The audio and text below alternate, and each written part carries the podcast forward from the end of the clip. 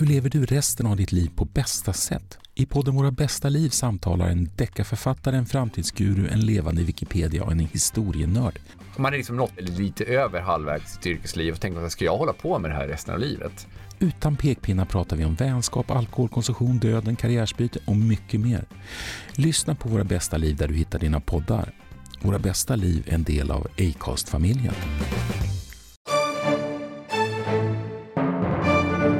2017 så gjorde man en sån undersökning och då säger man så här att ungefär ja, så här, 3500 stenhuggare borde ha kunnat producera 250 stenblock om dagen. Och då ska det vara klart mellan 25 och 30 år. Ja. Så under 25 och 30 år så är det 3500 killar som producerar 250 stenblock om dagen för att det ska funka bara att göra en av pyramiderna.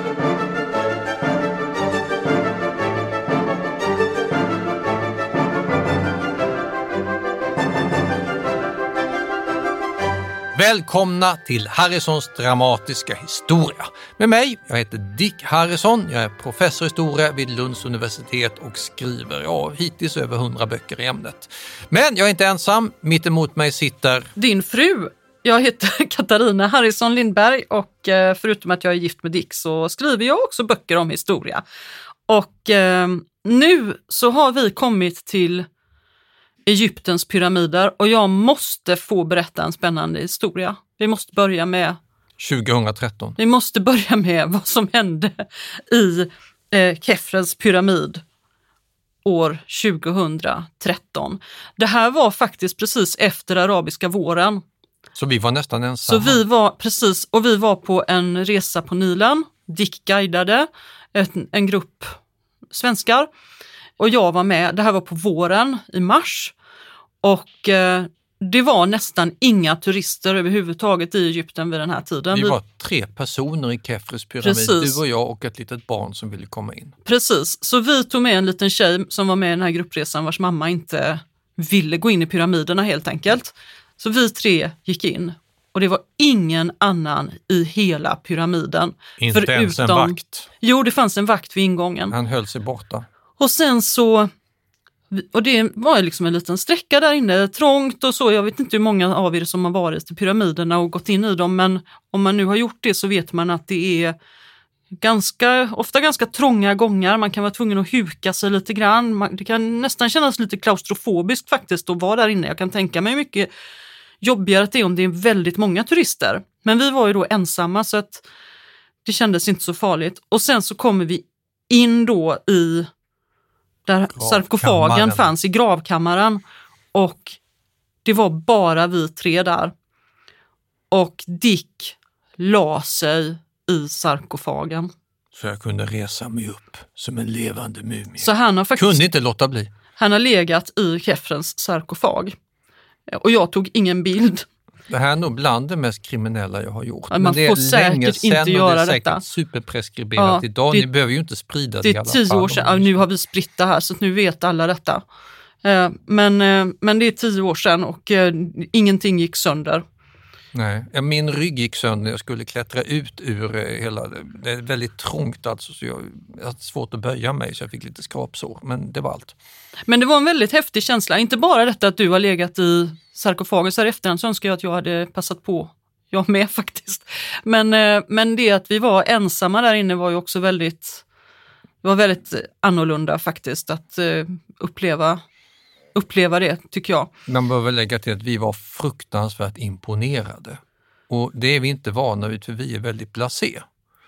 Vi har rest så mycket att det ska till mycket för att vi ska säga wow vad häftigt. Ja, men pyramiderna är Ja. faktiskt väldigt häftiga. Jag Men vet när, när man vi reste och... runt på vår bröllopsresa i USA och såg Grand Canyon så sa vi, vad är det här för dike? Då hade vi sett annat Nej, som var nej, nej, häftigare. nu tar du i. Du- Nu tar du i. Jag tycker Bara inte... lite.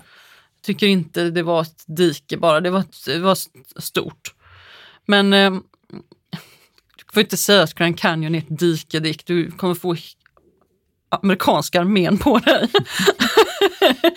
Men pyramiderna då, för att, Just send them. för att återknyta till, eh, till eh, vad vi ska prata om, så vet jag när vi... eh, Jag hade inte fattat att de var så stora. Nej, man blir golvad när Ja. man sitter i bussen och ser Keopspyramiden närma sig. För man åker och åker och sen helt plötsligt tittar man ut och så ser man i det här liksom lite sandiga soltöcknet. De är jättestora och de sticker ju liksom upp över helt modern bebyggelse så det är väldigt, det är väldigt häftigt faktiskt. Och de har uppfattats som häftiga sevärdheter jämt. Alltså man skriver om dem långa, långa berättelser redan på 400-talet före Kristus. De var alltså imponerande redan under perioden långt före Kristi födelse. Det är inte alls svårt att hitta berättelser från grekiska och romerska skribenter och eh, legender om dem och idéer om vad de egentligen var för någonting. För De har liksom aldrig varit alla bortglömda utan de har varit alltid funnits där. Av dem. När man sätter ihop världens sju underverk-listan som är någon sorts sevärdhets och turistguide från hellenistisk tid så är det självklart att Keopspyramiden ska vara med. Men man har inte riktigt klart för sig vad det är för något. Alltså, Man har inte fattat att det har varit gravar. Grekerna, grekerna vis, Herodotos, grekernas historieskrivare, visste att det var en grav för det hade hans egyptiska informanter lärt honom om. Men flytta fram det i några sekler, fram till tidig medeltid och så vidare, då eh, har man tappat det här. Och man kan inte läsa hieroglyfer så man vet inte. Istället så försöker man knyta an dem till gamla legender och historier, till exempel gammaltestamentliga historien om Josef och hans bröder. Den kände man till. Den fanns i den judiska och den kristna och den muslimska heliga traditionen, så den kunde alla.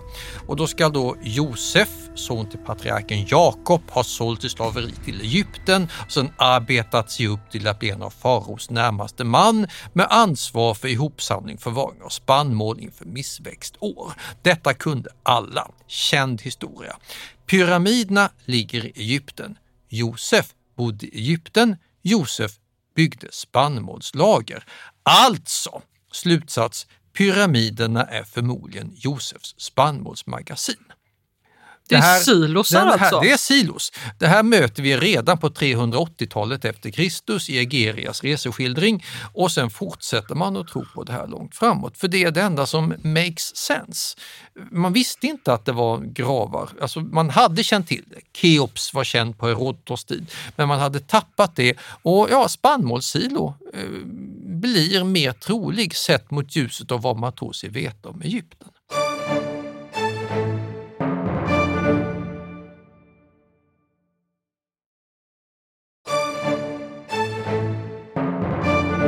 Sen erövrar araberna Egypten på 600-talet och de eh, måste konstruera egna hypoteser. De har ingen aning om vad det är heller. Och kalifen al-Mamun lär enligt en obekräftad uppgift ha varit så fascinerad av Keopspyramiden att han omkring 820 lät hugga ut en tunnelpassage för att utforska innandömet. Alltså lite medeltidsarkeologi. Och då hittar man de här dolda gångarna och kamrarna. Men man vet fortfarande inte vad det är för något. Man hittar inga döda människor eller Det så där vet vi inte, för Nej. i så fall döljer man väldigt effektivt vad man släpper ut. För det här är ju gravplundring, tomb raiding. Mm. Enligt en legend från den tidiga arabiska epoken så skall det här ha byggts mycket, mycket tidigare än den byggdes i verkligheten av sagokungen Surid ibn Saluk som levde långt före syndafloden. Kungen ska då ha drömt om den här översvämningskatastrofen som var på väg och låtit bygga monumentet för att däri bevara allt mänskligt vetande inför framtiden. Så om man, om man bara gräver sig in och letar tillräckligt länge så hittar man visdomens yttersta källa enligt arabiska skrönor. Och sen diktar man ihop idéer om att det ska ligga en brunn eller källa långt under pyramiden som man kan hitta om man bara gräver sig riktigt, riktigt långt ner. Och det är klart, om man tror på det här, då är det inte underligt att kalifen och andra sätter igång sprängningar och försöker leta efter skatter, statyer, magiska kärl, döda människor med mera. Det är ju lite roligare än spannmålsmagasin. Ja, men man vet alltså inte. Och de här mysterierna blir någon sorts, i stora delar av världen, kända supermysterier ända fram till 1800-talet. Ja, det är ju intressant faktiskt. Förr i tiden så vet jag att man också pratade om att pyramiderna byggdes av slavar. Men idag är det aldrig någon som påstår det. Man, lyft, man säger ofta, förr trodde man att pyramiderna lyft, byggdes av slavar, men, men det finns inte någon som tror på det idag.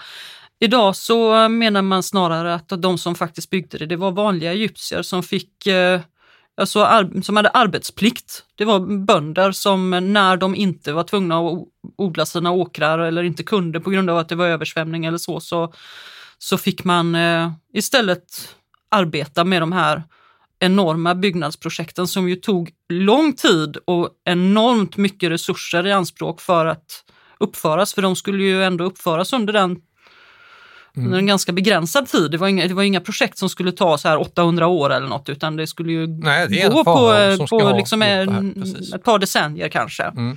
Bakgrunden är ju att Egypten har ett mycket stort och omfattande statligt jordägande när väl faraonernas civilisation är skapad, så kontrollerar farao i princip all mark och bönderna får då arbetsplikter, dagsverken. Det kallas för corvéplikter på vetenskapligt språk efter en fransk term.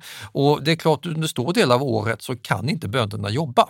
Nilen kanske har svämmat över eller så eh, jobbar man med något annat och då kan man avdela dagsverksplikter till till exempel pyramidbyggande. Och där har man gjort någon sorts eh, idé, man har försökt beräkna hur många man kan ha varit sysselsatta under hur stor del av året. Säg att Egypten hade 2 miljoner invånare. Då kan som mest mellan 20 000 och 25 000 man vara sysselsatta permanent. Fler kunde man inte försörja. Är det sannolikt att man kan ha haft så mycket folk i arbete då? Alltså verkligen. Ja, det är det. Det finns de som har föreslagit fler, alltså upp mot 30 000, men det är väldigt osannolikt att de kan ha försörjts. Däremot om du tittar på hur mycket jordbruk man hade, hur stor möjlighet att verkligen förvara spannmål i riktiga magasin och inte i de här pyramidmagasinen, eh, så har man kommit fram till mellan 20 och 25 000. Och det är då nedbantade uppgifter. Tittar du i äldre uppskattningar så är det inte alls ovanligt med att folk drar till med 100 000 slavar. Men mellan 20 25 000 dagsverksarbetare som sysslar med olika faser av stenhuggning, transport, eh, byggande av ramper. Det är sannolikt. Mm, för man får ju ändå föreställa sig då att de här projekten, det kan ju inte ha varit så att de som jobbade med dem, att alla de bodde precis i grannskapet. Det måste ju, folk måste ju ha rest dit och bott på den här platsen under det att de Precis. arbetade där. De måste ju ha haft någonstans att bo. Ja, så man har då uppfört en hel mängd andra byggnader, temporära byggnader. En del av det här har överlevt. Man kan alltså se verkstadshyddor och så vidare då, lite överallt, även senare när man då tittar på Konungarnas dal och gravkamrar. Så man, man har haft någon sorts arbetsorganisation. Längre fram i tiden, om vi hoppar fram till alltså, nya riket, 1200-talet, 1300-talet, så har vi faktiskt exempel på strejker alltså i hieroglyferna benämnda strejkade arbetarna och sagt nu räcker det. Och då är det inte för att de tycker att arbetet är tufft utan för att de inte får tillräckligt mycket livsmedels och spannmålsleveranser. Och sådana här ledtrådar gör att vi tror oss veta att det fungerade någorlunda väl, men det kräver ju att folk ställer upp på det. Att man, och, och att kungarna tycker att det här är värt att avdela så här mycket resurser till. Och sådana här jätteprojekt, ja det funkar inte hur länge som helst. Nu sa du nya riket alldeles ja, nyss. Precis, man brukar dela in ja. Egyptens historia i gamla riket, mellersta riket och nya riket. Och nya riket är då någon gång alltså 11 15, 14, 13, 1200-talet före Kristus, det är Tutankhamon och Amenhotep och Ramses den andra. Det är De långt efter Mer än tusen år efter pyramiderna. Pyramiderna det är då 2500-2400-talet, alltså tusen år tidigare, när Egypten först framträder som en stark stat. Och då har man under tre faraoner sådana här pyramidprojekt. Så det är en ganska kortvarig fas. Tre generationers faraoner bygger det här och de brukar vi kalla med grekiska termer Keops, Kefren och Mykerinos. Och det är de man ser på alla de här bilderna. Det vet vi idag. Och hur vet vi då det med tanke på att man glömde bort allt under medeltiden? Ja, då dyker han upp, den mest kulturfrämjande krigsbusen i europeisk och nordafrikansk historia. Mannen från Korsika. Vi pratar om Napoleon. Napoleon Bonaparte. Utan honom ingen forskning om det gamla Egypten. Ja, antagligen hade den väl kommit, men långt senare. Det är ju en knasig fransk revolutionsidé att man ska passa på att slå till mot Egypten när det råkar för tillfället vara fred i Europa 1797-98 eh, för att eh, få en fin liten spannmålsproducerande bas och försöka kanske ta någon sorts hållplats till Indien.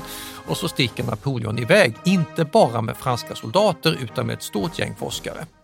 Och sen kontrollerar Frankrike Egypten under några år innan britterna och egyptierna kastar ut dem.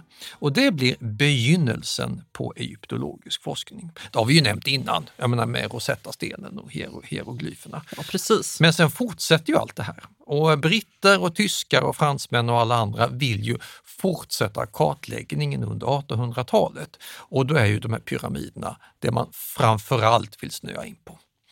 Så den ena stora expeditionen efter den andra kommer igång. Du har på 1830-talet två brittiska vandaler, skulle vi säga idag, Howard Weiss och John Perring. Deras metod för att forska om pyramiderna var spräng sönder dem. Skapa gångar, använd krut. Finns det några nya kamrar? Leta upp dem med hjälp av sprängmedel. Och då hittar man en del kamrar.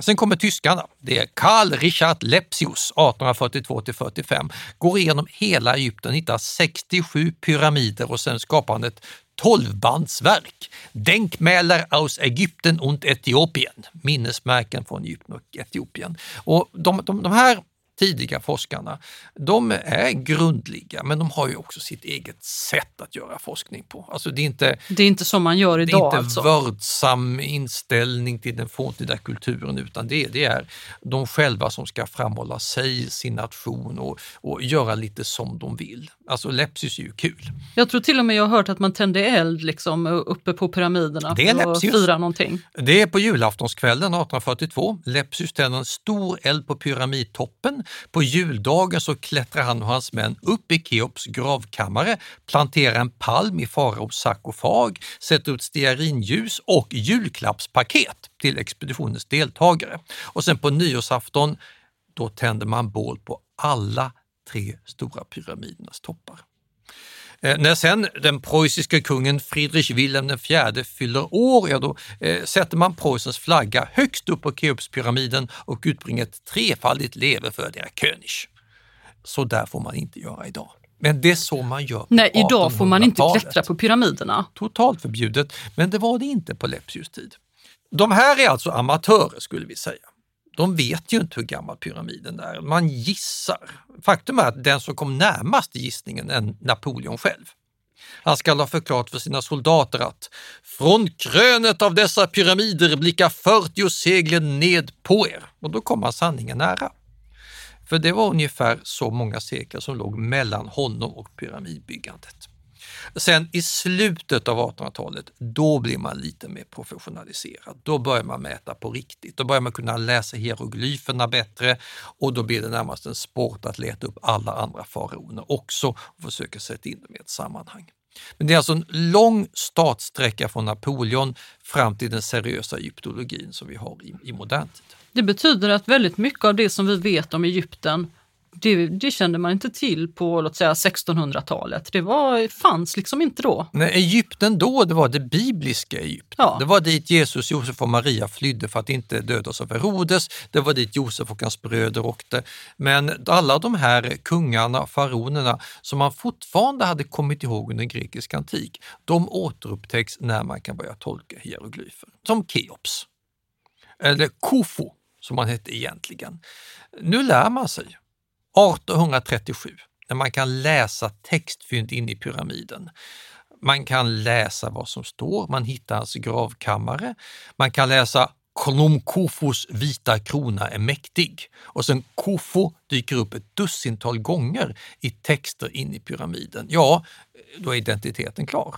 Det är Keops. Och det är, den som, det är hans pyramid som är den största, det är den här verkligt, mest kända. Stora. Och sen kan man använda kol 14-metod och datera den till någon gång mellan 2620 och 2484 f.Kr.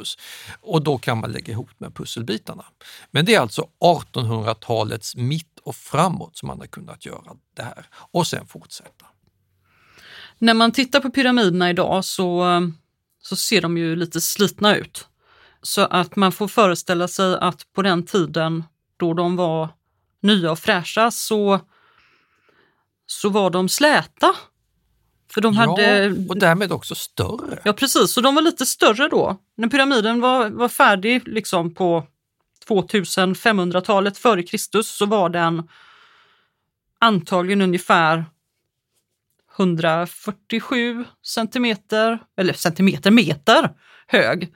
Nästan 150 meter. Ja, jättehög. Den är Idag ju- är den ju inte lika hög. Nej, idag är den ju inte riktigt, den, är, den har sjunkit till eh, 138,5 meter. Och högst upp fanns det en liten slutsten i pyramiden, Ja. den har försvunnit också, så den är lite avkapad. Ja precis, den är, liksom, eh, är li- lite, lite tillplattad längst upp. Men framförallt så är det det, det som verkligen är, är borta, det är att den, den var ju liksom täckt med eh, liksom slipad ljussten så att den var ju liksom blank. Mm, och fin. vit. Nu ser vi Ja. någon sorts skelett egentligen när Ja. man tittar på den. Vi ser bara underarbetet nu. Mm, kärnan, den övre Mm. glänsande ytan får vi tänka till själva.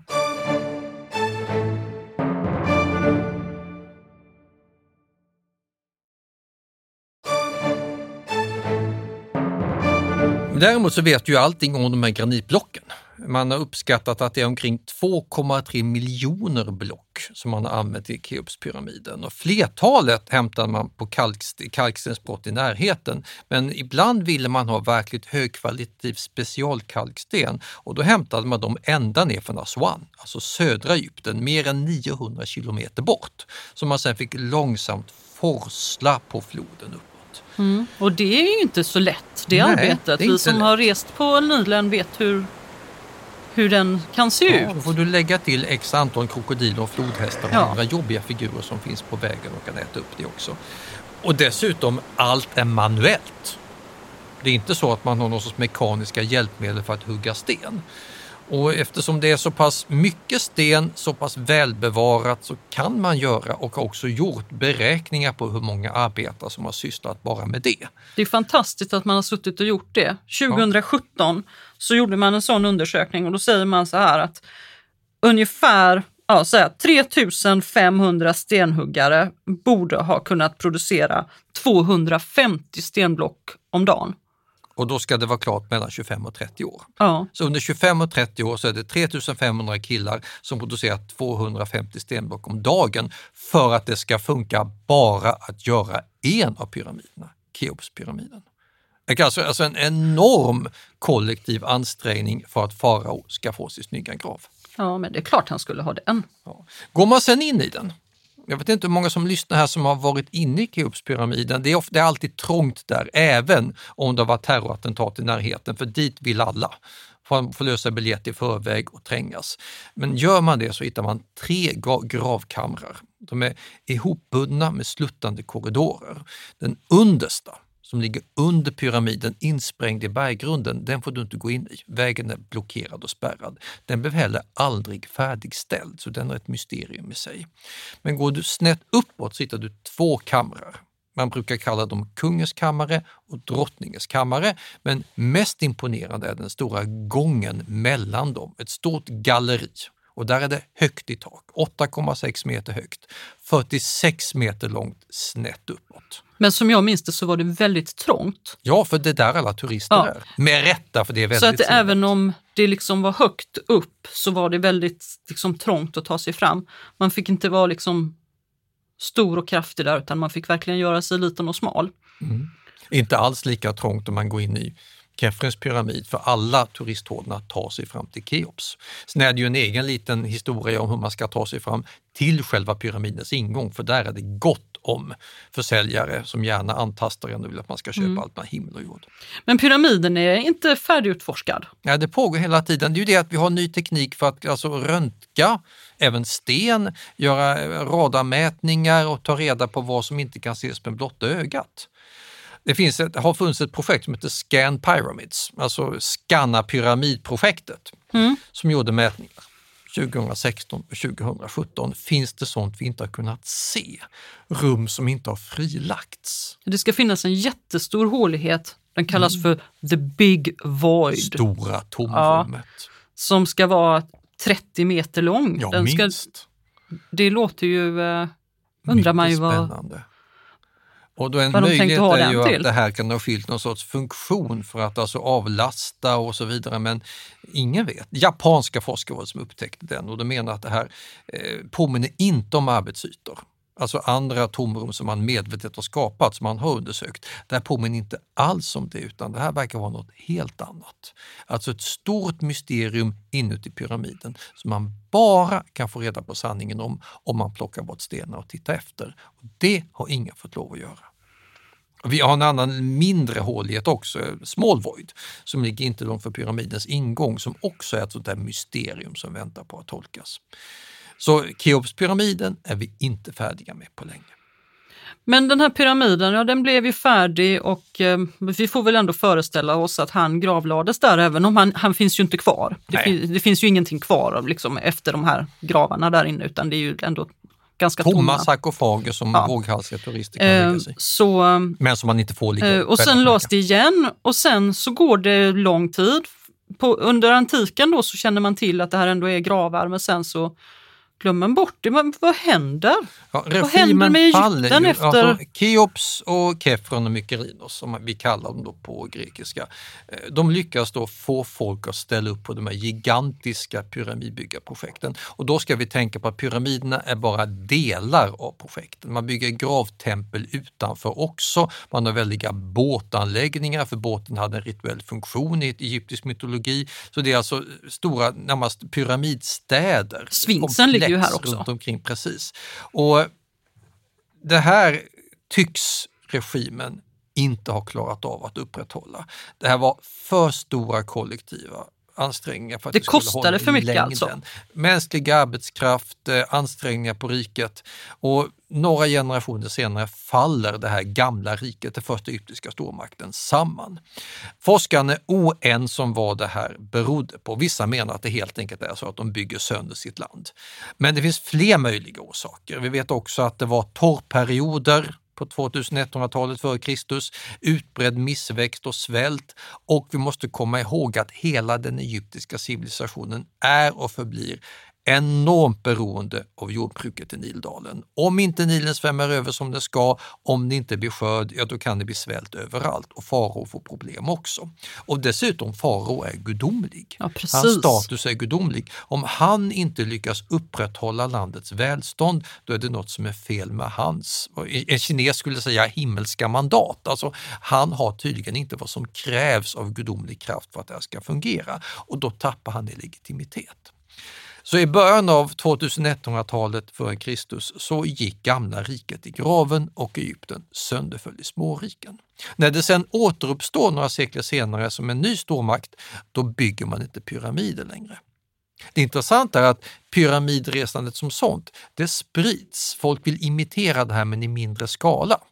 Världens mest pyramidtäta land är Sudan alltså granne till Egypten söderut, de nubiska kungarna, de bygger ännu fler pyramider men mycket, mycket mindre för att själva formspråket hade fastnat. Men däremot egyptierna själva, de kommer sen föredra att ja, spränga in gravkamrar i stenarna i konungarnas stad. Ja precis, det, det är de gravarna som, eh, som tillkommer sen i nya riket då. Ja, och det är där Tutankhamon och Ramses ja. och de här läggs. De får alltså inga pyramider. Men sfinxen alltså. Ja, vi måste ju säga något om det. Vi måste ju säga någonting om sfinxen.